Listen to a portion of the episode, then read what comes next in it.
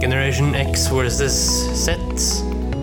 Sandberg Productions presenterer Den ekte samtalen om og med generasjon X og Z.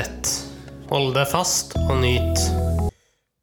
Hei, hei, kjære lytter, og hjertelig velkommen til eh, dagens episode av Generation X versus Z. Og i dag eh, så er det nytt år, eh, ny sesong for oss. Jeg håper du som hører på, har hatt en fin eh, eh, julenyttårsfeiring. Uh, jeg håper det, i hvert fall. Jeg håper at du har fått sovet uh, godt, eh, for i dag så skal jeg forhåpentligvis eh, få nattesøvnen din, eh, kjære lytter, og til du som kjære kompan, som sitter ved siden av meg her, til å skrante litt. Oi. Ja. Eh, for jeg har fått eh, fritt spillerom hva gjelder tematikk. ja, det har du. Kan jeg bare skyte inn eh, godt nytt hår til alle sammen? Ja. Eh, som sagt så har jeg fått eh, fritt spillerom hva gjelder tematikk. Eh, og i dag så skal jeg ta opp noe som du har gruet deg til. Jeg vet ikke hva det er, men du har sagt at jeg skal grue meg. Ja, og de lytterne som kjenner meg godt, vet at jeg har en forkjærlighet for skrekk og krim. Og det er akkurat det vi skal spille på i dag. Vi skal Ja, spille på skrekksjangeren. Ok. Eh, hva tror du? Eh, Kjør lyd, tenker jeg nå. Ja, eh, først så skal vi høre en trailer til en film. Ja. Skrekkfilm der, altså. Eh, Ja vel. Det er Annabelle. Åh, ja. John, wake up. Next door, I, I heard a scream. Stay here. Go check it out. John? Is everything all right? Oh my god, you're covered in blood. Go back inside. It's not mine. It's not. Go back inside and call an ambulance right now. Go!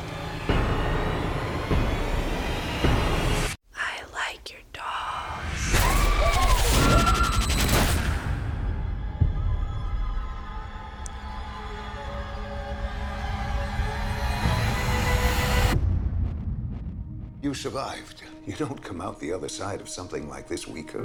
What is there left to be scared of? This is the last of them. How did that get in there? I swear I threw it out. Things must have got mixed up. There, she fits right in.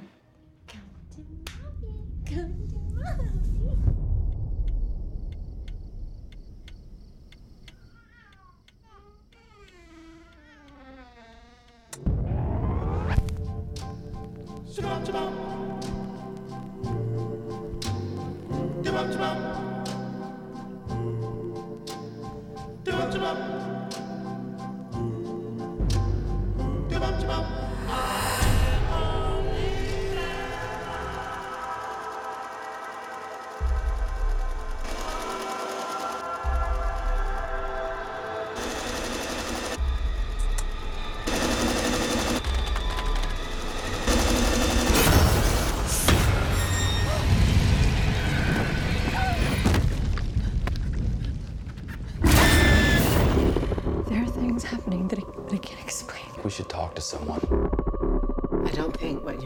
You're is a ghost.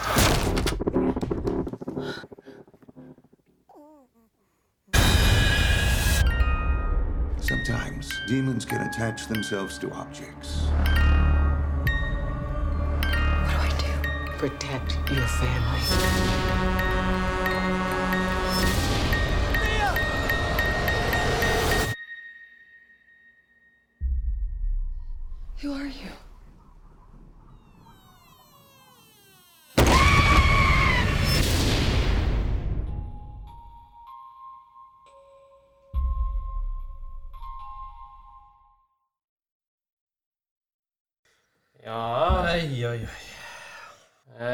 Tror du som kommer nå, da? Eh, Henrik, jeg bare vet at den filmen skal ikke eh, faren din se på. Nei, fordi du er en pyse. Vet du hva? De siste åra så har jeg blitt en skikkelig pyse når det gjelder skrekk. Filmer, altså. Eh, ok. Eh, nå vil eh, jeg at eh, du, kjære kompan, og Yes. du som hører på, kjære lytter, skal se for dere handlingen til Annabelle, men satt til det virkelige liv. Men kan du fortelle litt om hva Annabelle er, og vi kommer litt mer inn i gamet her? Ja, selvfølgelig. Det er en film som eh, har senter rundt en eh, hjemsøkt jentedukke. Jaha. eh, og hvor en familie da prøver å jage ut denne dukka. Men dukka vil leve sitt eget liv og prøve å ta over familiens liv og gjøre livene deres eh, kjipe. Et helvete, mener du? Ja, eh, det kan man si. Et eh, levende helvete. Ja. Og nå så vil jeg både at du, Kjell kompan og kjære lytter, skal se for dere den handlingen satt til det virkelige liv. Ja vel. Vi skal til 1894. Vi skal til California. Å nei! Vi Er det skal den? til verdensmessen. Nei, er det den? Åh, Vi skal til verdensmessen i California i 1894. nå aner jeg noe her. Skal jeg trykke klipp? Ok.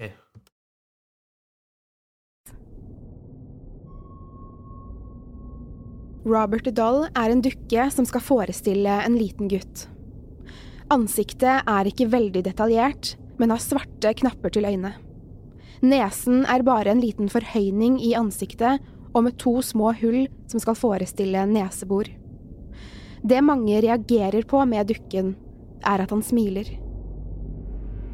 Ikke et hjertelig smil, men et lite, kaldt et. Robert Dahl sitter på en liten stol. Han har på seg en hvit matrosdress og en hvit matroshatt. Dukken er over 100 år gammel og sies å forårsake psykoser, brukne ben, bilulykker, skilsmisser, psykiske forstyrrelser og at den bringer ulykke. Robert Dull holder en lekehund på fanget sitt. Han er ca. én meter høy og hadde trolig et påmalt ansikt før i tiden. Det finnes kun ett ekte eksemplar av Robert Dull. Jeg skal gå litt inn på historien til denne dukken først, og så fortelle om hvorfor så mange mennesker er redd for ham.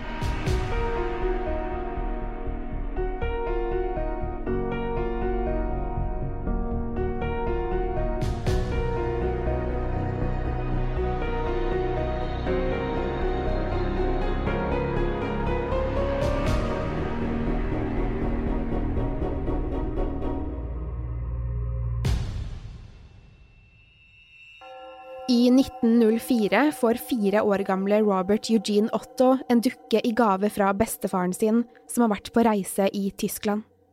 Dukken ble kjøpt i en leketøysbutikk og er av merket Steif, som også lager teddybjørner. Det sies at dukken opprinnelig var laget til et utstillingsvindu hvor han skulle forestille en liten gutt som lekte med butikkens leker. Et slags salgsgimmick. Bestefaren til gutten kjøper dukken og tar den med hjem til Key West i Florida. Gutten ble kalt Gene, som er kort for Eugene, men han het også, som nevnt, Robert til fornavn. Gutten kalte opp dukken etter seg selv, og den ble derfor hetende Robert the Doll. Lille Gene elsket dukken sin. Han lekte med Robert hele tiden, tok han med på badet når han pusset tenner, og sov med Robert i sengen. Foreldrene la merke til at Jean var med dukken hele tiden, både dag og natt. Det tok ikke lang tid før ting begynte å skje i Otto-huset. Ting som ikke kan forklares. Nesten hver natt våknet fire år gamle Jean av voldsomme mareritt, helt dyvåt av svette. Han skalv, hev etter pusten og var livredd. Foreldrene klarte ikke å roe han ned på flere timer. Det var vanskelig å få kontakt med han etter marerittene. Han satt der i sengen sin, stirrende ut i luften, mens hjertet hamret i brystet hans. Det var dessverre ikke det eneste som skjedde. Om kvelden, etter at lille Jean hadde lagt seg, satt foreldrene som oftest nede i stuen og leste eller pratet sammen. Allerede den første natten kunne foreldrene høre fotsteg i sønnens soverom. Noen gikk over gulvet på rommet hans, sakte, fra den ene siden av rommet til den andre.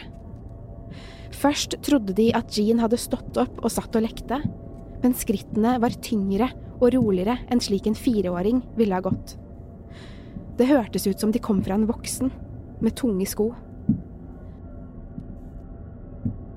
Foreldrene til Jean listet seg opp trappen. Faren hadde en ildtang i hånden i tilfelle en innbruddstyv var på sønnens rom. Sakte åpnet han døren så lydløst han bare kunne.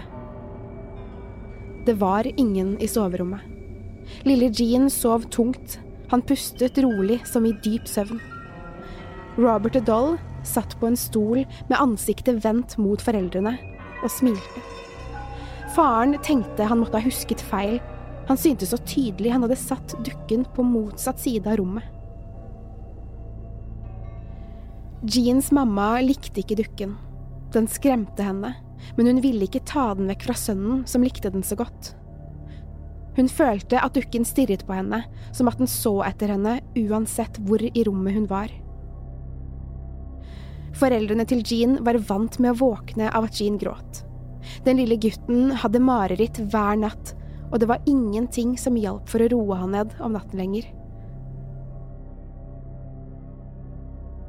En natt var det plutselig en annen lyd som vekket dem.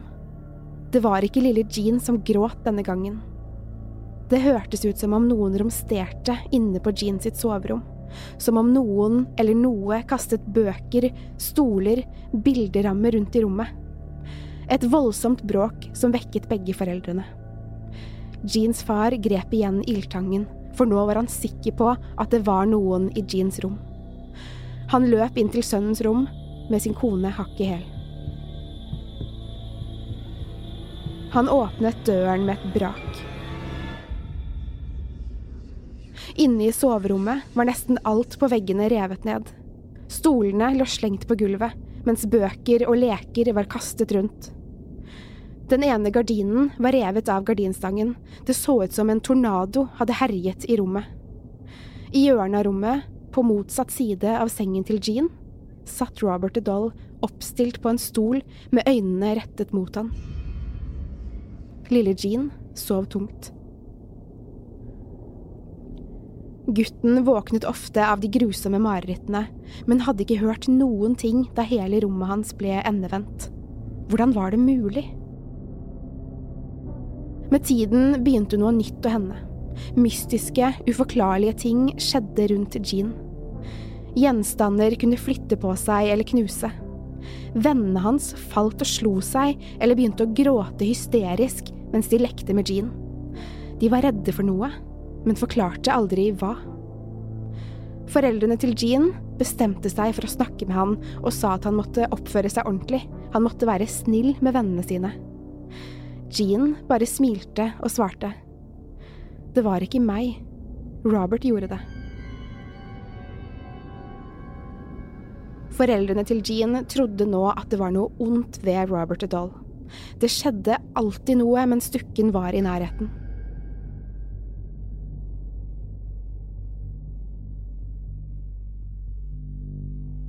Da Jean ble eldre, orket ikke foreldrene mer.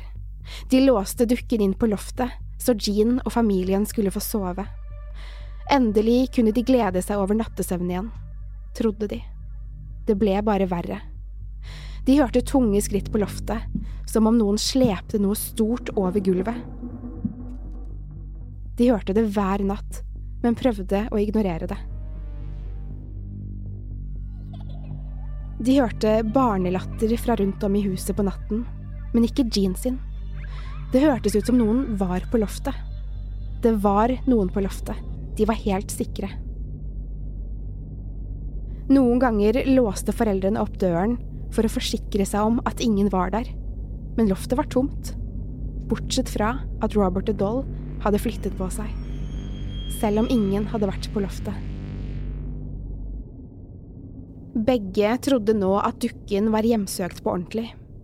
Det hvilte en ubehagelig stemning over huset. De sluttet helt å gå opp på loftet for å se til dukken, men de visste at den var der. De visste at den flyttet seg rundt på loftet, men prøvde å glemme det.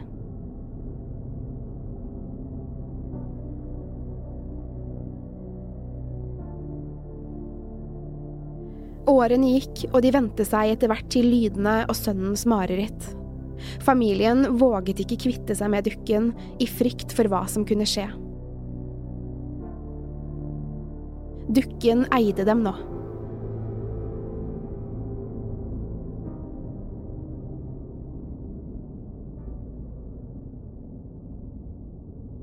En dag etter at Jean er blitt voksen, mottar han den triste beskjeden om at faren hans har gått bort.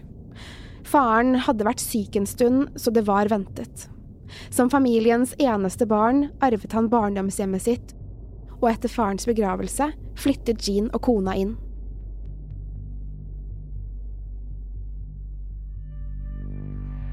En dag da de ryddet loftet, fant han dukken, Robert Dull. Dukken hadde falmet litt siden sist, men Jean virket glad over å ha funnet han. Kona hans var ikke like begeistret, hun syntes det var noe skummelt med dukken. Jean ville plutselig ha Robert sittende på en stol ved siden av sengen deres mens de sov, akkurat som da han var barn. Jeans kone begynte snart å få mareritt. Grusomme mareritt. Hver gang hun våknet, skrikende, skjelvende og med hjertet i halsen, var Robert det første hun så. Den hadde flyttet på seg, nærmere henne.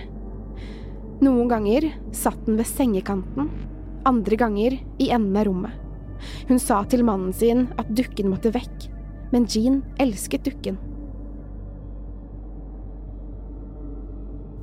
Han tar med seg Robert overalt. Dukken er med når Jean sover, spiser, kjører. Robert Doll er med på alt. Kona blir mer og mer frustrert. Likevel biter hun ordene i seg og lar Jean ha med seg dukken hvor enn han går, for Jean er besatt av dukken. Akkurat som da han var barn, snakker Jean med Robert slik han ville snakket til et vanlig menneske.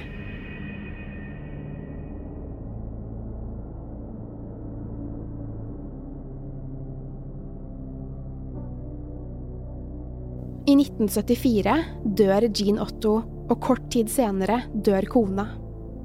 Slektninger av Jean selger huset i Key West, og en barnefamilie flytter inn. Allerede den første natten begynner den yngste jenta i familien å få mareritt. Grusomme mareritt. Jenta skriker og hyler, våkner dyvåt av svette, og foreldrene klarer ikke roe henne ned. Så begynner ting å knuse og flytte på seg i rommet hennes. Hun faller ut av sengen og slår seg. Hun begynner å snakke til seg selv på et språk de ikke forstår. En dag spør moren datteren om hva som skjer med henne. Hun svarer, det var ikke meg. Robert gjorde det. Familien tror at dukken er hjemsøkt og bestemmer seg for å kvitte seg med den. De donerer Robert Udall til Fort East Martello Museum i Florida. De ansatte på museet legger merke til at Robert forandrer sittestilling, ansiktsuttrykk og at dukken flytter på seg. De merker også at alle som tar bilde av Robert Udall, skader seg. De brekker bena, kommer utfor en bilulykke eller blir veldig syke. Det må være den hjemsøkte dukken som plager dem. De som jobber på museet, advarer mot det.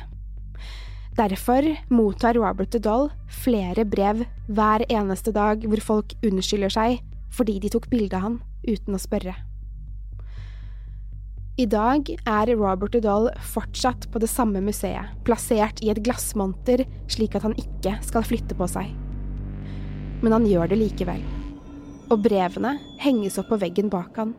Så Robert, jeg beklager at jeg fortalte denne historien. Ja. Ja.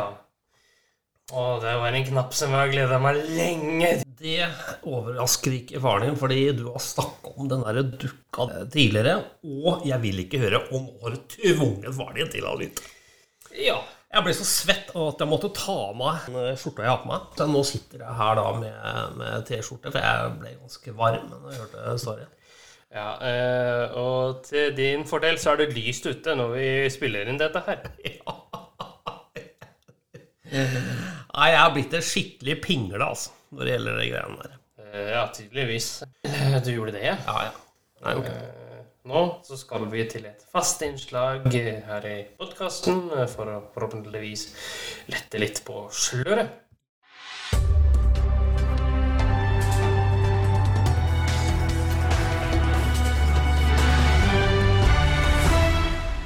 NRK-hjørnet.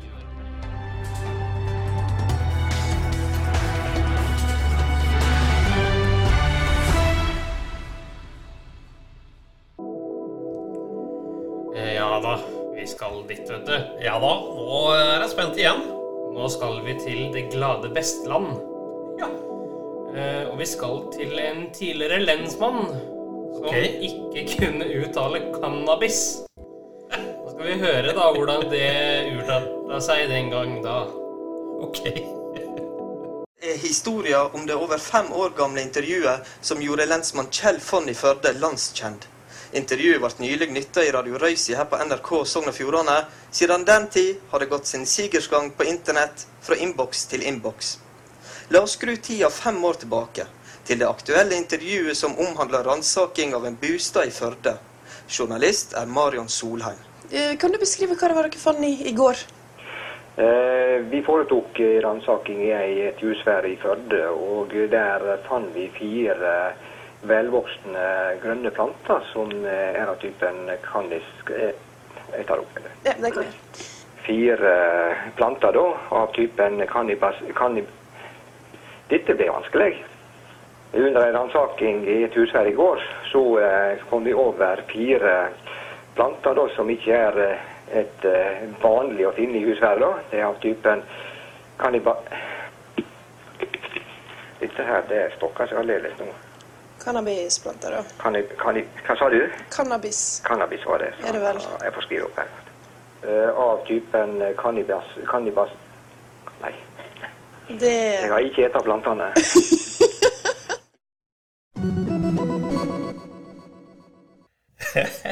ja. ja da, ja da. Det er godt med et smil rundt munnen, Jan Erik. Ja, eh, og bare for å ta en liten sånn disclaimer her nå, Ja. Eh, så vil eh, jeg ikke oppfordre du som hører på, til å google Robert the Doll. Nei. Eh, For det kan gå dårlig med det. Don't uh, do it. Og hvis du gjør det, beklag det. Da beklager Generation X versus Z denne podkasten på det sterkeste. Ja, sorry, Robert. Og du også, kjære lytter, bør jo for all del beklage deg hvis du har googlet eh, Robert the Doll, eh, eller du har sett på et bilde av Robert. Eh, Og med det så skal vi si hei da, og på gjensyn i neste uke. Tusen takk for nå. Tusen takk for at du fulgte oss. Gi gjerne tilbakemelding, likes eller kommentar på Facebook-siden vår Generation X versus Z. Velkommen igjen til neste podkastepisode. Hei då!